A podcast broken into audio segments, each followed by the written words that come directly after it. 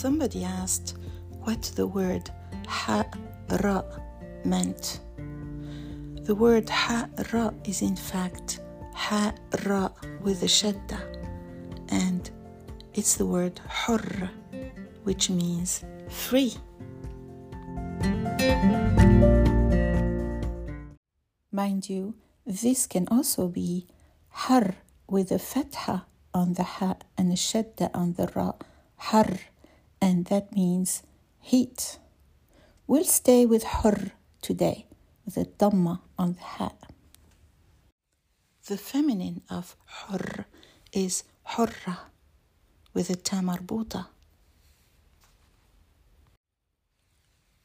The plural of hur is ahrar, and the plural of hurra is hurrat.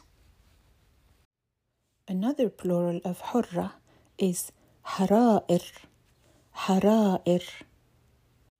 You may know the word hurriya, which means freedom. The ya in hurriya has a shadda as well. Hurriya. With the pattern fa'ala, which is a transitive maker, you get harrara with a shadda on the first ra, like in fa'ala, where the shadda is on the ain. Harrara. Harrara is to liberate and also to write because you are liberating your ideas onto paper. How cool is that? So the verb is حرر يحرر التحرير.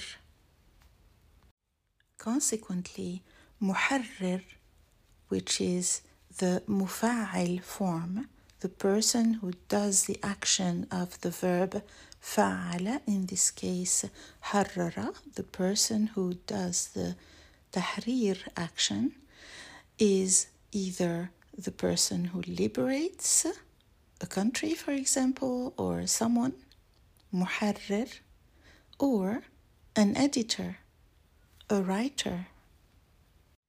Have you heard the expression رئيس التحرير? What do you think that means? Well, رئيس التحرير is the chief editor. He is the head of the people who liberate their ideas onto paper. How cool is that?